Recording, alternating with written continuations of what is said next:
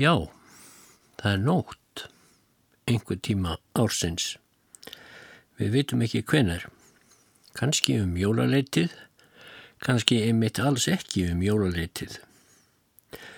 Nefna hvað, fjárheyrðar eru í haga í námynda við svolítinn bæ, ljóstýrur í fjerska, þeir vaka yfir hjörðum sínum, heyrðarnir, fjöð sefur mest allt, Einstaka jarm heyrist samt, öðru koru, í kind sem rumskar. Þetta er á Betlehemsvöllum.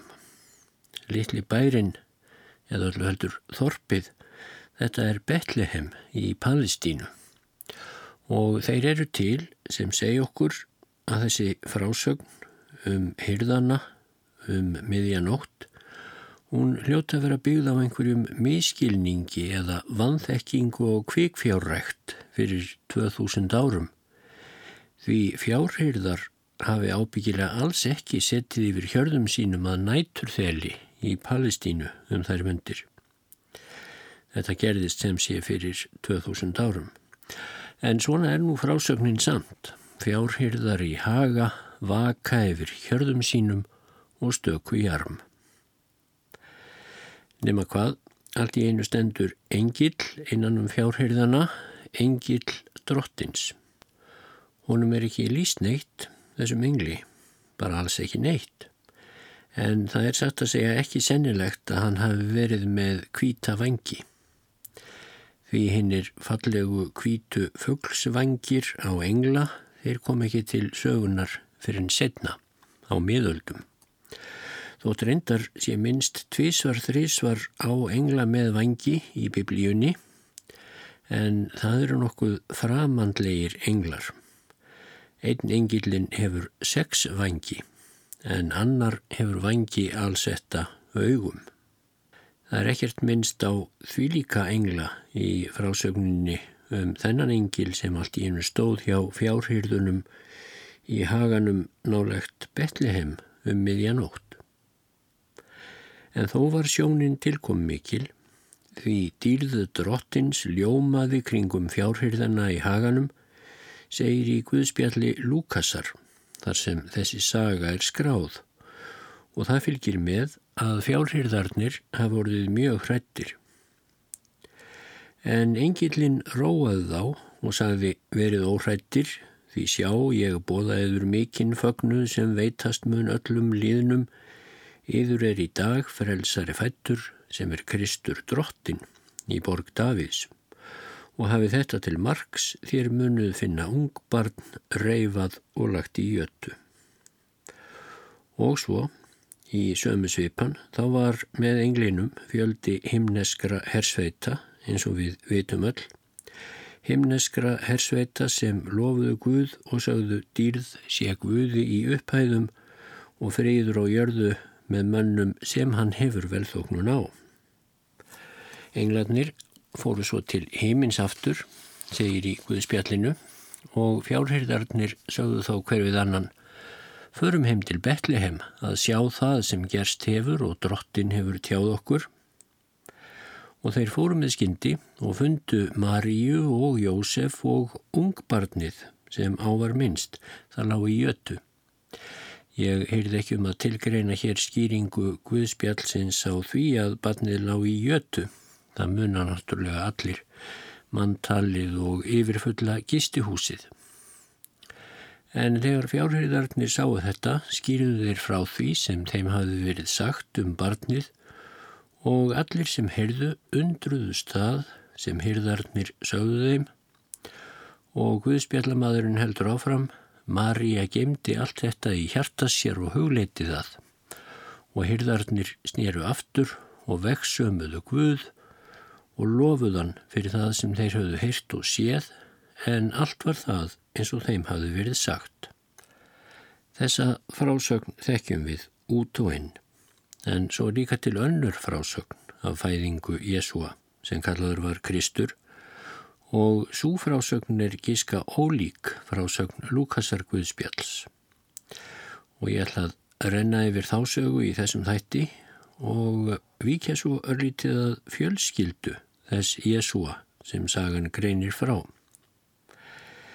Það er Guðspjallamadurinn Mattius sem skráir setni söguna um fæðingu Jésúa, setna jólaguðspjallið ef svo má segja og þau eiga vissulega margt sameinlegt þessi jólaguðspjall. Undursamlegan getnað, teikn og tákn við fæðingu drengs og gestir koma. Hjá Lúkasi eru gestirnir óbreyttir fjárherðar en í Mattiusar Guðspjalli vitringar frá Östurlöndum, svo kallaðir.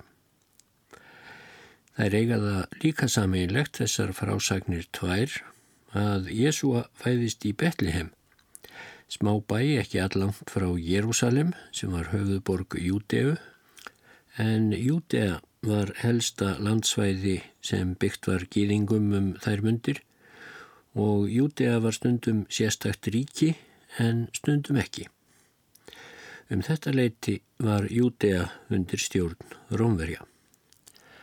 En þá er best að afgreða það strax að fræðimenn nútímans, aðrir en heitt trúaðir guðfræðingar kannski, þeir eru nokkuð svo sammála um að frásagnir begja guðspjallamanna um að Jésúa, hinn væntanlegi frelsari og Kristur, að hann hafi fæðst í Betlehem, þær séu ekki bara vafasamar sakfræðilega, heldur sé í rauninni alveg óhætt að sláði föstu að þær séu einfallega rángar.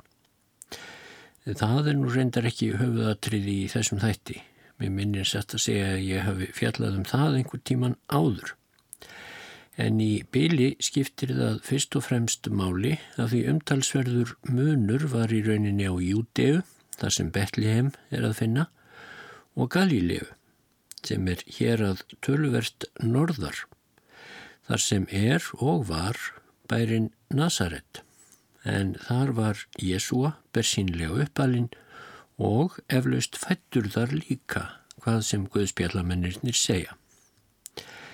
Til forna og þá er átt við þann tíma fyrir 3000 árum eða svo þegar Davíð konungur Ísraels er sagður hafa verið á dögum þá var allt það svæði sem hefur núverandi Ísraels ríki og hefur lemstraða ríki palestínumanna ná núna yfir. Það svæði var að segja má eitt menningarsvæði með eina tungu, svipaða menningu og samansúraða trú að mestu. Þóttu ságvöð sem íbúarnir tóku að dyrka sem hinn eina og sanna hafi alveg áraðanlega í byrjun verið samsettur úr tveimur guðum. Hvort sem Davíð konungur og Salomón voru nú til eða ekki, þá var sennilega til þess að gera upplugt ríki gýðinga eða Ísraelsmanna eða hvað við viljum kalla það á svæðinu um tíma fyrir 3000 árum.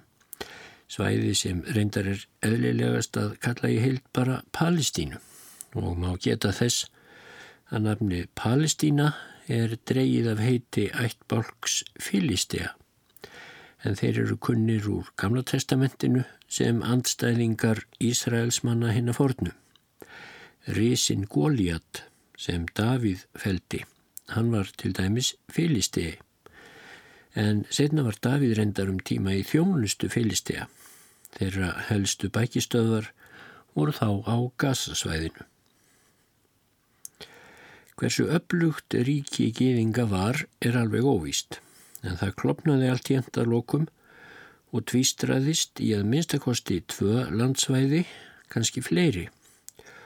Og ekki minnstan þátt í þeim klopningi átti að stórveldi Asseríumanna, Babilóniumanna og Egipta voru sífælt að bítast um svæðið og hluta það í ýmsar sneiðar eftir sínum hendugleikum.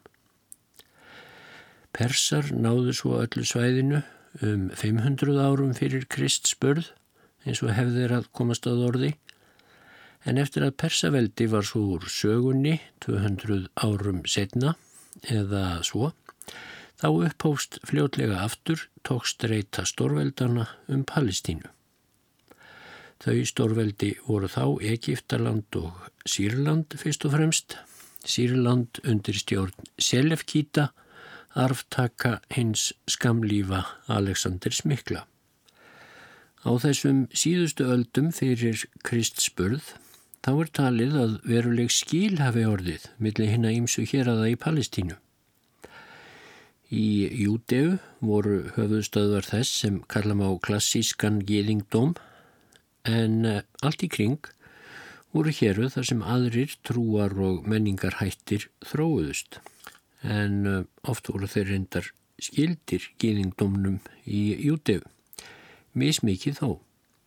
Nefnum á Samaríu, þar sem samverjar byggu, norðvestur af Júteu og svo Galileu, norður af Júteu, í kringum Galileu vatn og hæðar draugin þar norður og vestur af. Af hérðum Palestínu er Galilea næst Fönikíu henni fornu, Líbanon sem nú heitir og ætla má að fönikísk áhrif hafi löngum verið umtalsverði í Galilegu.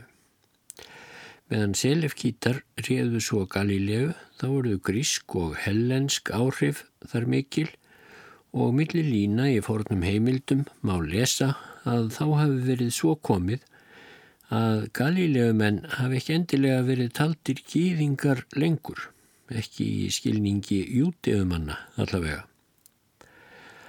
Það þýðir endur ekki að galiljöfumenn hafi allir verið gengnir hellenismannum á hönd, langt frá því.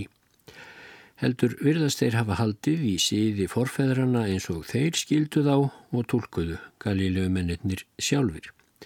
Án þess endilega að lúta fóristu jútefumanna í smáu sem stóru. Um 140 árum fyrir Krist spörð þá gerðu júteumenn hins vegar uppreist gegn yfirráðum hinn að sírlensku Selefkíta. Uppreistnin var gerð undir fórustu hinn að svonemdu Makkabea og skemst er frá því að segja að Makkabear náðu ágætum árangri framanaf að minnstakosti og var svo nýtt gýðingaríki þeirra meir og minna sjálfstætt í tæpa öld og það stækkaði smátt og smátt út frá Júteu sem eh, var hinn upphaflegi kjarni Makkabearíkisins.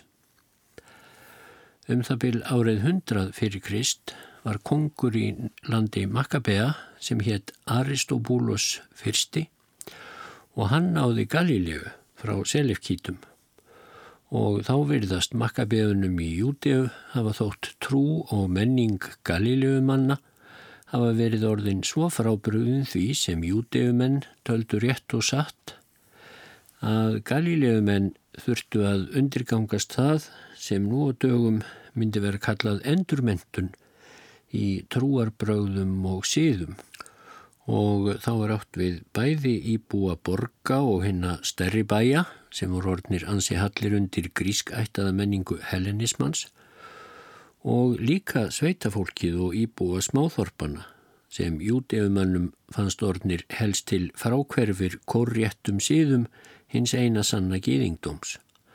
Þótt ekki væri þeir komnir jafn langt frá hinnum eina rétta síð og samverjar til dæmis sem þá þegar var orðin spurning hvort telja eitt í gýðinga yfir leitt. Nefna hvað endurmentun galílegu manna síðustu öldina fyrir Krist mun hafa tekist þokkalega, þótt þess sjáist augljósmerki í frásögnum Gamla testamenti sinns að þá finnst fólkísuður í júti en að galílegu menn séu aðeins of miklir sveitaluppar og kannski ekki alveg nógu vel að sér í hinnum fítni blæðbreyðum trúarinnar. Og þetta breytist ekkert þótt Rómverjar legðu undir sig alla Palestínu um 50 árum fyrir Krist og deildu þar og drottnuðu síðan. Rómverjar letu sig litlu eða engu varða, trúarsýði eða menningartiktúrur þeirra þjóða sem þeir lögðu undir sig, bara ef allir borguðu skattin sinn á réttum tíma. Júteumenn og galileumenn gáttu því átt í sinni menningarlegu og eða trúarlegu tókstreitu án þess að rómverjar letu það sig nokkru varða. Rómverjar komu þá fyrir á konungstóli í Palestínu, Heródesi nokkrum, en hann var prins, sunnan úr Ídúmeu en það var hér að síðst í Palestínu, suður af Dauðahafinu. Herodes þessi gat sem ídúmeðum aður valla talist gýðingur. Það minnst að kosti ekki samkvæmt ströngum skilgreiningum hinn að réttrúuðu í Jérúsalim. Mamma Herodesar var þar að auki arabísk prinsessa, algjör heiðingi samkvæmt skilgreiningu prestana í Júteu.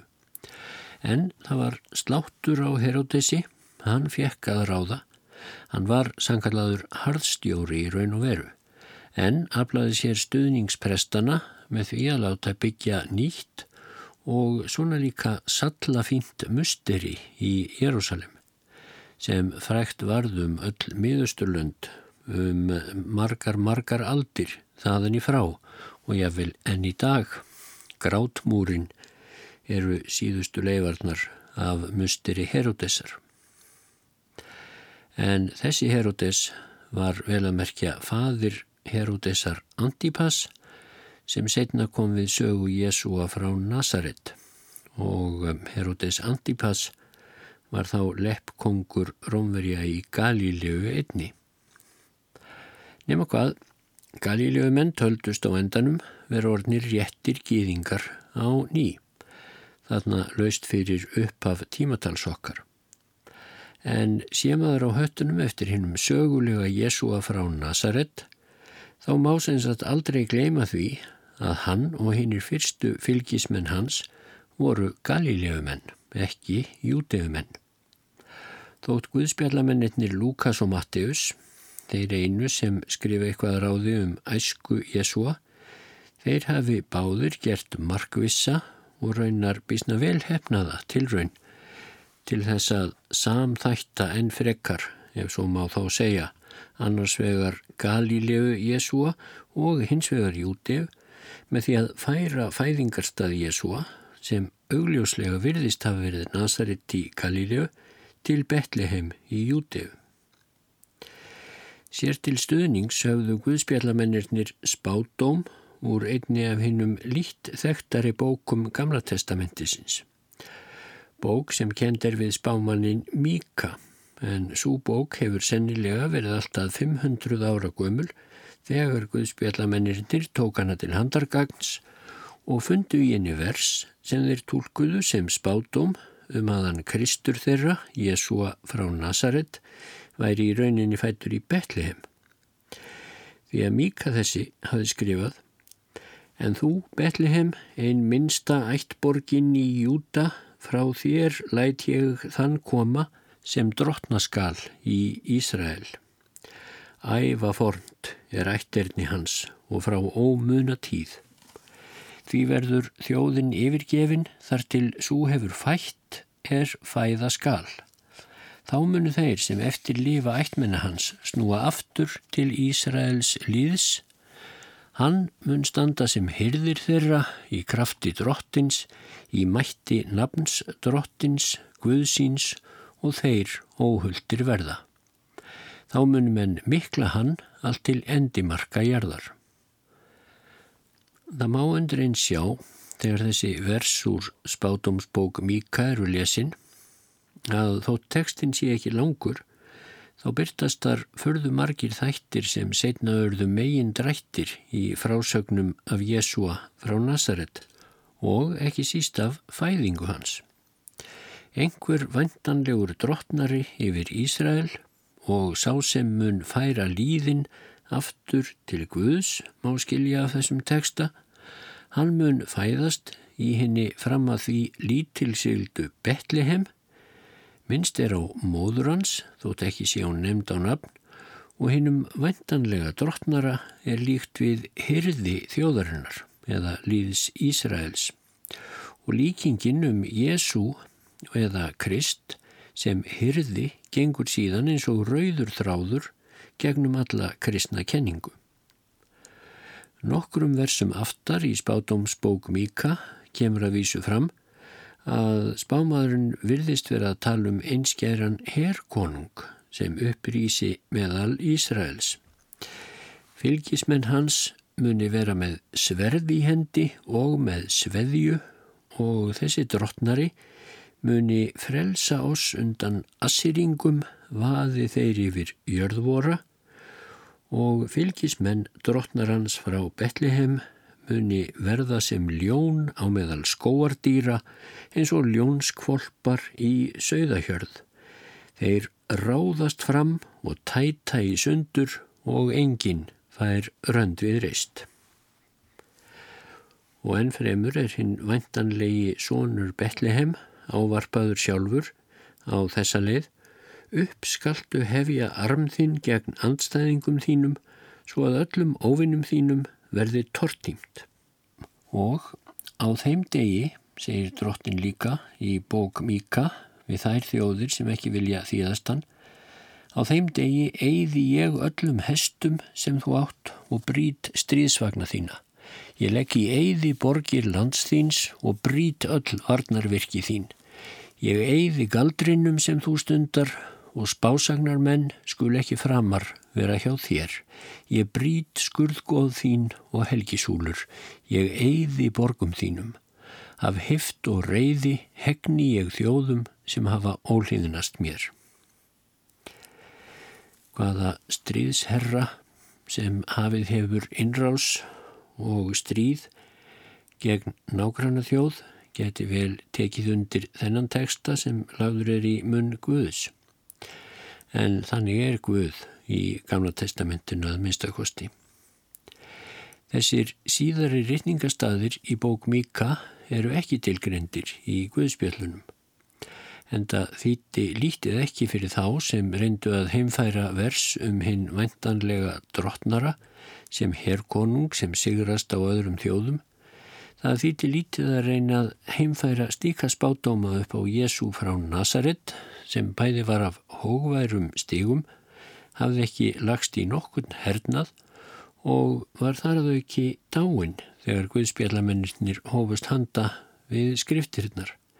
Hann hafði verið tekinn af lífi á helst til óvirðulegan hátt eins og réttur og sléttur glæpamaður af hinnu rómverska herveldi sem hafði einu sinni kastað mæðinni við að sigurast á þessum meinta hyrði Ísraels þjóðar.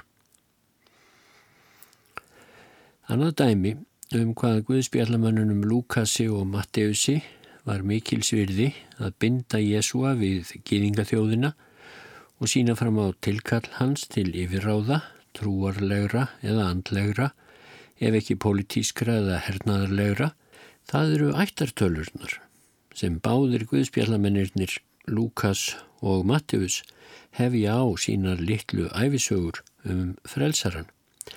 Matteus byrtir sína ættartölu strax í fyrsta kapitula en Lukas í sínum þriðja.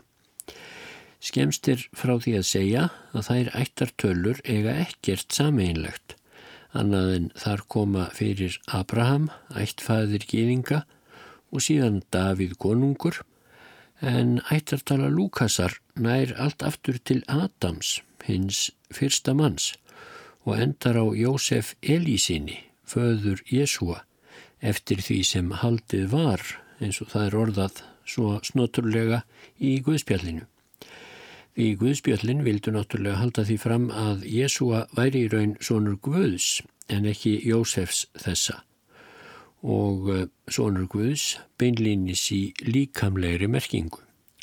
Matteusar Guðspjall hefst hins vegar á ættartölu þar sem ætti Jésúa er rakinn frá Abraham, ættföður gýðinga og gegnum Júta, einnina tólf bræðra Jakobs, um tíu ætliði til Davíðs konungs og Salomons sonar hans og síðan áfram gegnum aldirnar allt til Jósefs nokkurs sem nefndur er Jakobsson hjá Matteusi og Jósef Jakobsson er kynntur til sögu sem eiginmaður Marju en hún ól Jésu sem kallast Kristur segir þar í nýju íslensku biblíuþýðingunni.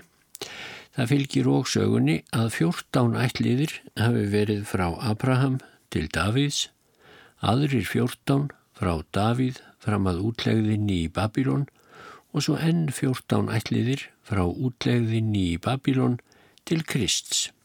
Það er kannski ómaksinsvert að renna stuttlega yfir jólakvöðspjall Matteusar og heyra hvar og hvenar það sker sig frá jólagauðspjalli Lúkasar sem allir þekkja um manntalið og ferð Jósefs og Marju frá Nazaret þar sem þau byggu, sangvært Lúkasi og til Betlehem þar sem ekki var rúm fyrir þau í gistuhúsinu og þess vegna var nýfættur Jésúalaður í jötu eins og ég las í upphafi þáttar og allir þekkja. Fæðing Jésúa, skrifar Mattius hins vegar, var þá þennan hátt. Marja, móður hans, var fastnuð Jósef, en áður en þau komu saman reyndist hún þunguð af heilugum anda. Jósef Jakobsson, festarmadur hennar, sem var valmenni, vildi ekki gera henni ofinbera minkun og hugðist skilja við hana í kyrþæg. En þá vitraðist honum engill drottins í draumi og engillin sagði, Jósef, sonur Davís, óttast þú ekki að taka til þín Maríu heitkonu þína því barnið sem hún gengur með er af heilugum anda. Hún mun svona alla og hann skaltu láta heita Jésu því að hann mun frelsa líðsinn frá syndum hans. Allt var þetta til þess að rætast skildi það sem drottin let spámannin bóða, sjá yngismær mun þunguðverða og fæða són og lætur hann heita Immanuel en það þýðir Guð með oss. Þegar Jósef vaknaði gerða hann eins og engil drottin sæði bóð honum og tók konu sína til sín. Hann kendi hennar ekki fyrir en hún hafði alið svon, þar að segja Jósef hafði ekki samfarir við Maríu sína fyrir en hún var orðin léttari. Þetta er tekið fram svo fadernið þurfu ekki að leika á nokkrum vafa. Og Matteus fullir yfir að Jósef hafi valið síninum nafnið Jésúa. Ekki er frekar rætt um þá kröfu eða staðhæfingu engilsins í draumi Marju að hún ætti að gefa síninum nafnið Immanuel.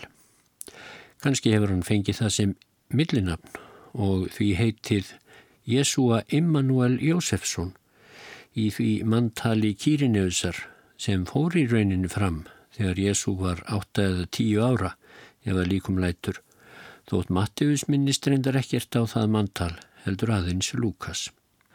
En áfram segir svo í jólagveðspjalli Matteusar Þegar Jésús var fættur í Betlehem í Júdeu á dögum Herodesar konungs komu vitringar frá Östurlöndum til Jérúsalem og sagðu hvar er hinn nýfætti konungur gýðinga við sáum stjörnu hans renna upp og erum komnir að veita honum lotningu.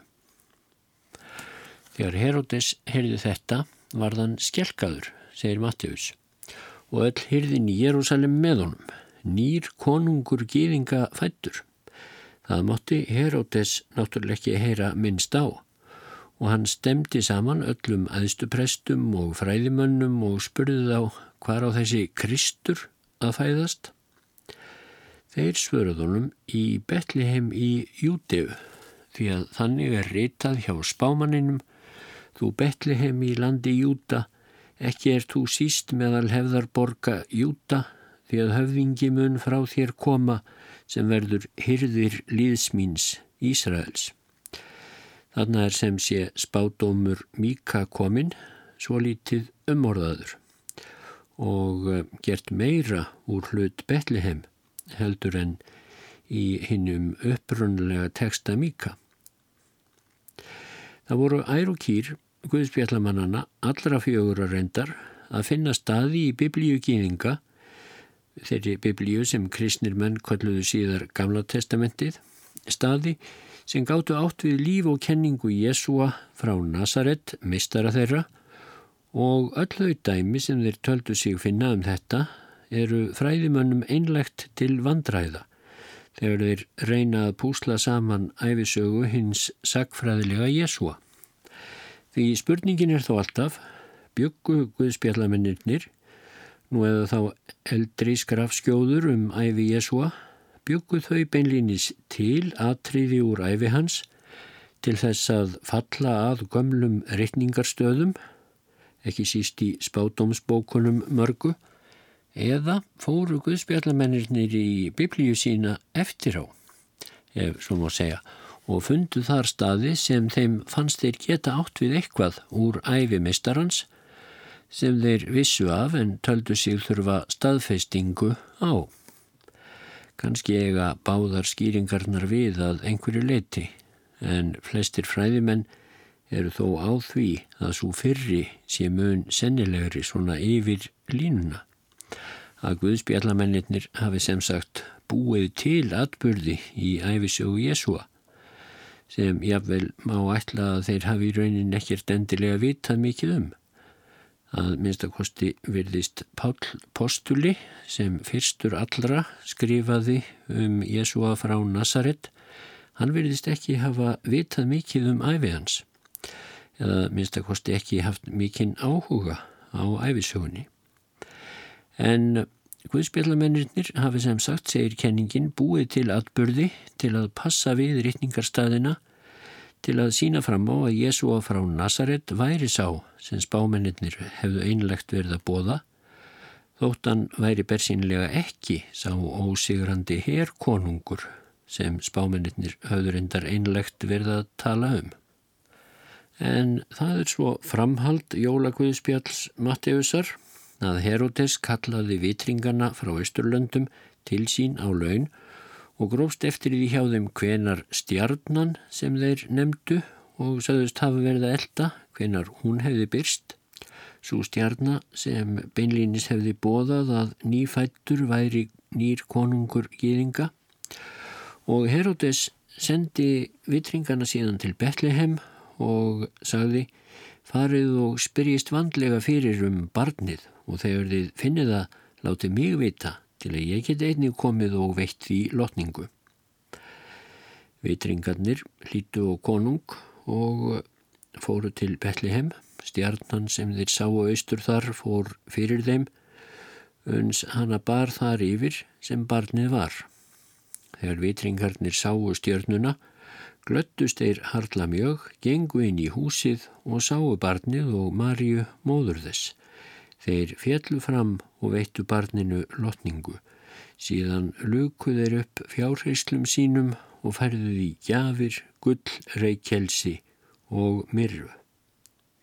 Þarna verður sem sé ekki betur séð en Jósef og Marja hafi einfallega búið í Betlehem og séu alls ekkert aðkomu fólk. Þegar Lukas þurfti að útskýra hvernig spátumur um fæðingu Míka, um fæðingu frelsara eða drottnara gýðingaþjóðarinnar í Betlehem, gæt átt við um Jésúa sem allir í Palestínu vissu óskup vel að var frá Galilíu, þeir sem þekktu hann á annað borð, þá bjó Lukas til hinn að floknu og í raun fráleitu sögu um manntalið á dögum Kýrineusar sem hefði útteimt að Jósef ferðaðist til Betlehem með heitkonu sína á steipirinnum. Saga sem er í rauninni alveg út í hött í hverju einasta smáatriði. En Matteus fer miklu einfaldari leið. Hann lætur Jósef og Marju sem sé vera búsett í Betlehem en þau þurfa svo að flýja þaðan norður til Galilegu. Það vísum með viðkomi í Egiptalandi og eh, á flottan leggja þau því Herodes konungur einsettur sér að drepa alla nýfætta pilda til að freista þess að fyrir koma þar á meðal hinnum nýfætta kongi sem Herodes lítur auðvitað á sem ógn við sig. Matteus segir svo orðrétt Þá sá Herodes að vitringarnir höfðu gappaðan og varð afar reyður Hann sendi menn og let myrða öll svinnbörn í Betlehem og nákrenni hennar, tvævettur og yngri, en það svaraði þeim tíma sem hann hafði komist að hjá vitringunum. Hvortvekja, morðin á svinnbörnunum og flótti Jósefs og Marju til Egiptalands er greinilega tilbúningur Guðspjallamannsins eða heimildarmanna hans. En fornir rytningastadir eru náttúrulega nefndir sem sannindamerki. Það átti til dæmis, segir Mattius, að rætast sem Guðulétt spámannin segja frá Egiptalandi kallaði ég són minn. Þar er vitnað til spámannsins Hósea sem aftur á móti var að vísa til frásagna fyrstu Mósebóka um dvöl Ísraelsmanna í Egiptalandi forðum sem endaði jú með því að Guð skipaði Móse að fylgja henni útvöldu þjóð burt. Og með morðunum og sveinbörnunum rættist það, skrifaði Mattius, sem Jeremías spámaður hafði löngu áður sagt fyrir um. Rödd heyrist í rama, harma kvein, beiskur grátur, Rakel grætur börnin sín, hún vill ekki huggast láta því að þau eru ekki framar lífs. Þetta er endar allt heldur langsótt því hér er vísað til Rakelar, ætt móður Ísraels manna. Hún var grafin í Rama, langt, langt frá Betlehem. En frá gröf hennar áttu einu sinni að hafa heyrst kvinnstafir Það var þegar Jérúsalem fjall í hendur Babilóniumanna, nú eða Assyringa, ég man ekki hvort var. En hvað sem þessu líður og hvaða vendingar og heljarstök sem Guðspjallamennirnir þurftu að fara til að láta Jésúa fæðast í Betlehem, svo rætast mættu spátumsorð Míka, þá endaði Jésúa nú samt á samt fjölskyldu sinni meðal sveitafólks í Galilegu í smábænum Nazaret og þar ólst hann upp. Og þar var hann líka ábyggilega fættur í raun og veru. Það má geta þess að þótt Nazaret hafi í þá daga ekki verið annað en fáment þorp en í næstan ágrinni valla þryggja kilometra fjarlagð eins og frá Lækjartorki og hálfa leiðina upp í Breitholt hafi verið all stór borg þá er hverki minnst á þá borg í Guðspjörlunum. Ástæðin er eflaust svo að þessi stóra borg, eða tiltöllega stóra borg, skulum við segja, og hétt Sepporis, hún var fyrst og fremst byggð fólki, bæði gýðingum og öðrum, sem ornir voru mjög hallir undir hellenismann. Það er að segja lifnaðarhætti sem dróðu mjög dám af grískri menningu og eflaust töluðu flestir í Sepporis grísku margir að móðurmáli. En þótt Guðspjallin, til dæmis Mattiusar Guðspjall, reki gönguferðir og pretikunar ferðarlög Jésúa um Galilegu og um nákrennið býstna nákvæmlega og fjöldi staða sé nefndur til sögu, þá er aldrei ekki í eitt einasta skipti minnst á Sepporis. Og hefur það þó ekki tekið nema hálftíma eða svo fyrir Jésúa að tölta þangað á sínum æsku árum. Af hverju gerðan það aldrei? Eða af hverju virðast þá Guðspjallamennir hafa sneitt vísvitandi hjá því að nefna ferðir hans til nágrannabæjarins Sepporis? Voru hann og eða fjölskylda hans svo heitt trúaðir gýðingar að þau gátt ekki hugsað sér að blanda geði við fólk í Sepporis að því það aðhyltist aðra trú eða aðra menningu. Þess sjástreindar merki í Matteusar Guðspjalli að Jésúa sjálfur hafi helst ekki viljað útbreyða kenningar sínar eða skoðanir meðal annara en sannra gýðinga, hvað sem það kann að hafa þýtt í hans huga, ímist sem gýðings eða galiljöfumans.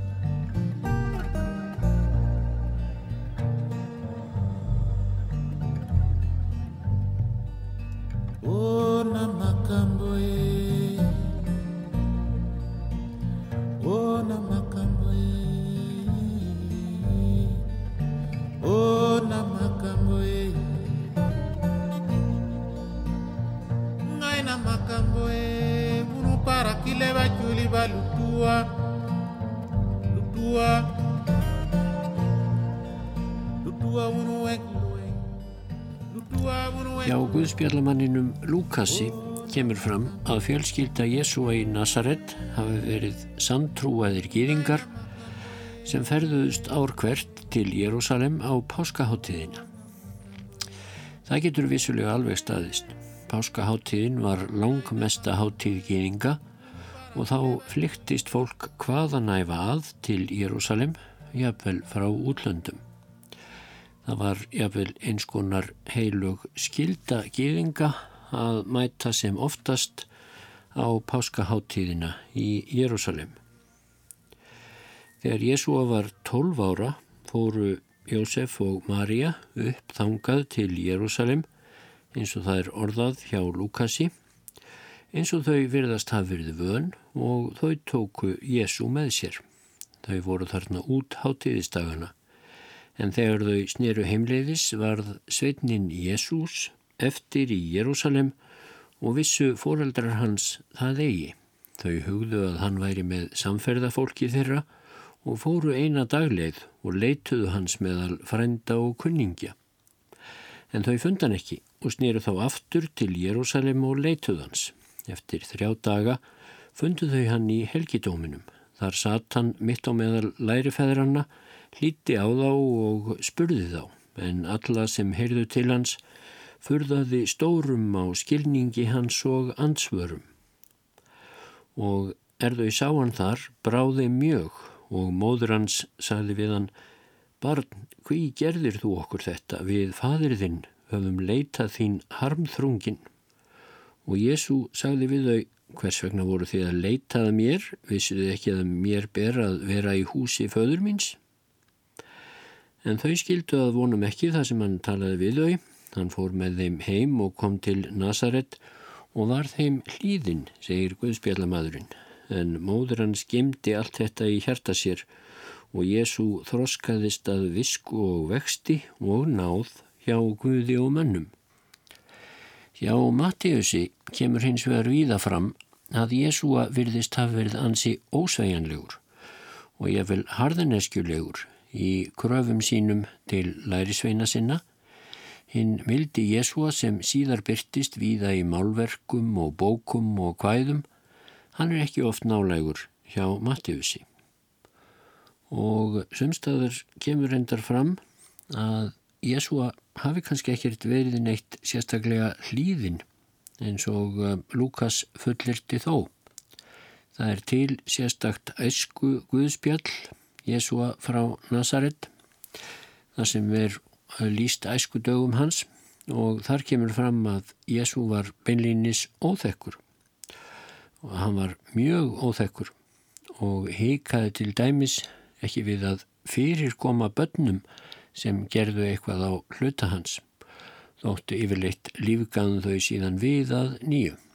En þetta æsku Guðspjall var reyndar skrifað lengu og eftir hinnum og er talið eintómur tilbúningur þótt kannski hafi í þeim sögum sem þar voru skráðar eimt eftir af einhverjum minningum af eh, Jésu frá Nazaret sem ansi róstusum og fyrirferðar miklum einstaklingi. Og það virðist vera samkvæmt eh, Guðspjalli Matteusar og raunar fleiri Guðspjallum að þegar hann byrjaði sinn feril sem predikari þá hafi hann yfirlega verið eh, svolítið nýblóttur, skulum við segja. Hann var að minnstakosti ekki dáður og tvírætt að ekki einu sinni af fólkinu heima í Nazaret. Þegar hann var komin nokkuð á veg á ferli sínum sem predikari þá kom hann í ættborg sína, segir í einu guðspjallinu og tók að kenna í samkundu húsi þar. En íbúarnir undruðust stórum og sagðu hvaðan kemur honum þessi speki, hvaðan koma kraftaverk þau sem hann vinnur. Er þetta ekki sonur smiðsins, heitir móður hans ekki Marja og bræður hans Jakob, Jósef, Símon og Júdas og er ekki sístur hans allar hjá okkur? Hvaðan kemur honum þá allt þetta? og íbúarnir í Nazaret höfnuðunum nextlaðir. Og meira segja fjölskylda Jésúa, foreldrar hans, heitelskuð móður hans, sístur hans og nefndar og bræðurnir fjórir sem nefndir eru á nafn í Guðspjallunum, Jakob, Jósef, Símón og Jútas, þeim virðist heldur ekki hafa litist á blikuna að strákur væri farin að pretika. Í Markusar Guðspjalli segir, þegar Jésu kemur heim, sapnast þar aftur mannfjöldi, svo hann og lærisveinur hans gátt ekki einu sinni matast. Hans nánustu fréttu það og fóru út og vildu ná honum, en það sögðu allir að hann væri frá sér. Og fræðimennirnir sem komnir voru ofan frá Jérúsalem til þess að fylgjast með honum, þeir sögðu það er Belzebub, andskotin sjálfur sem er í honum, með fulltingi höfðingja íllara anda, þá rekur Jésu út íllu andana. Nú koma móður Jésu og bræður, standa úti fyrir húsinu þar sem Jésu var og gera honum orð að koma. Mikil mannfjöldi satt í kringum Jésu og var honum þá sagt, móður þín, bræður og systur eru hér úti og spyrja eftir þér. Jésús svarar þeim, hver er móður mín og bræður? Og hann leit á þau sem sátu kringum hann og sagði, hér er móður mín og bræður mínir. Hver sem gerir vilja Guðs, sá er bróður minn, sýstir og móður. Það skal svo tekið fram að þótt eitthvað hafi slest upp á vinskapin í upphafi breytikunar ferils Jésúa, þá verðist hafa gróið um heilt síðan. Því móðir Jésúa var jafnan í föruneyti hans virðist vera og einn af bræðurum hans tók við sem leiðtói safnaðarins eftir döðans.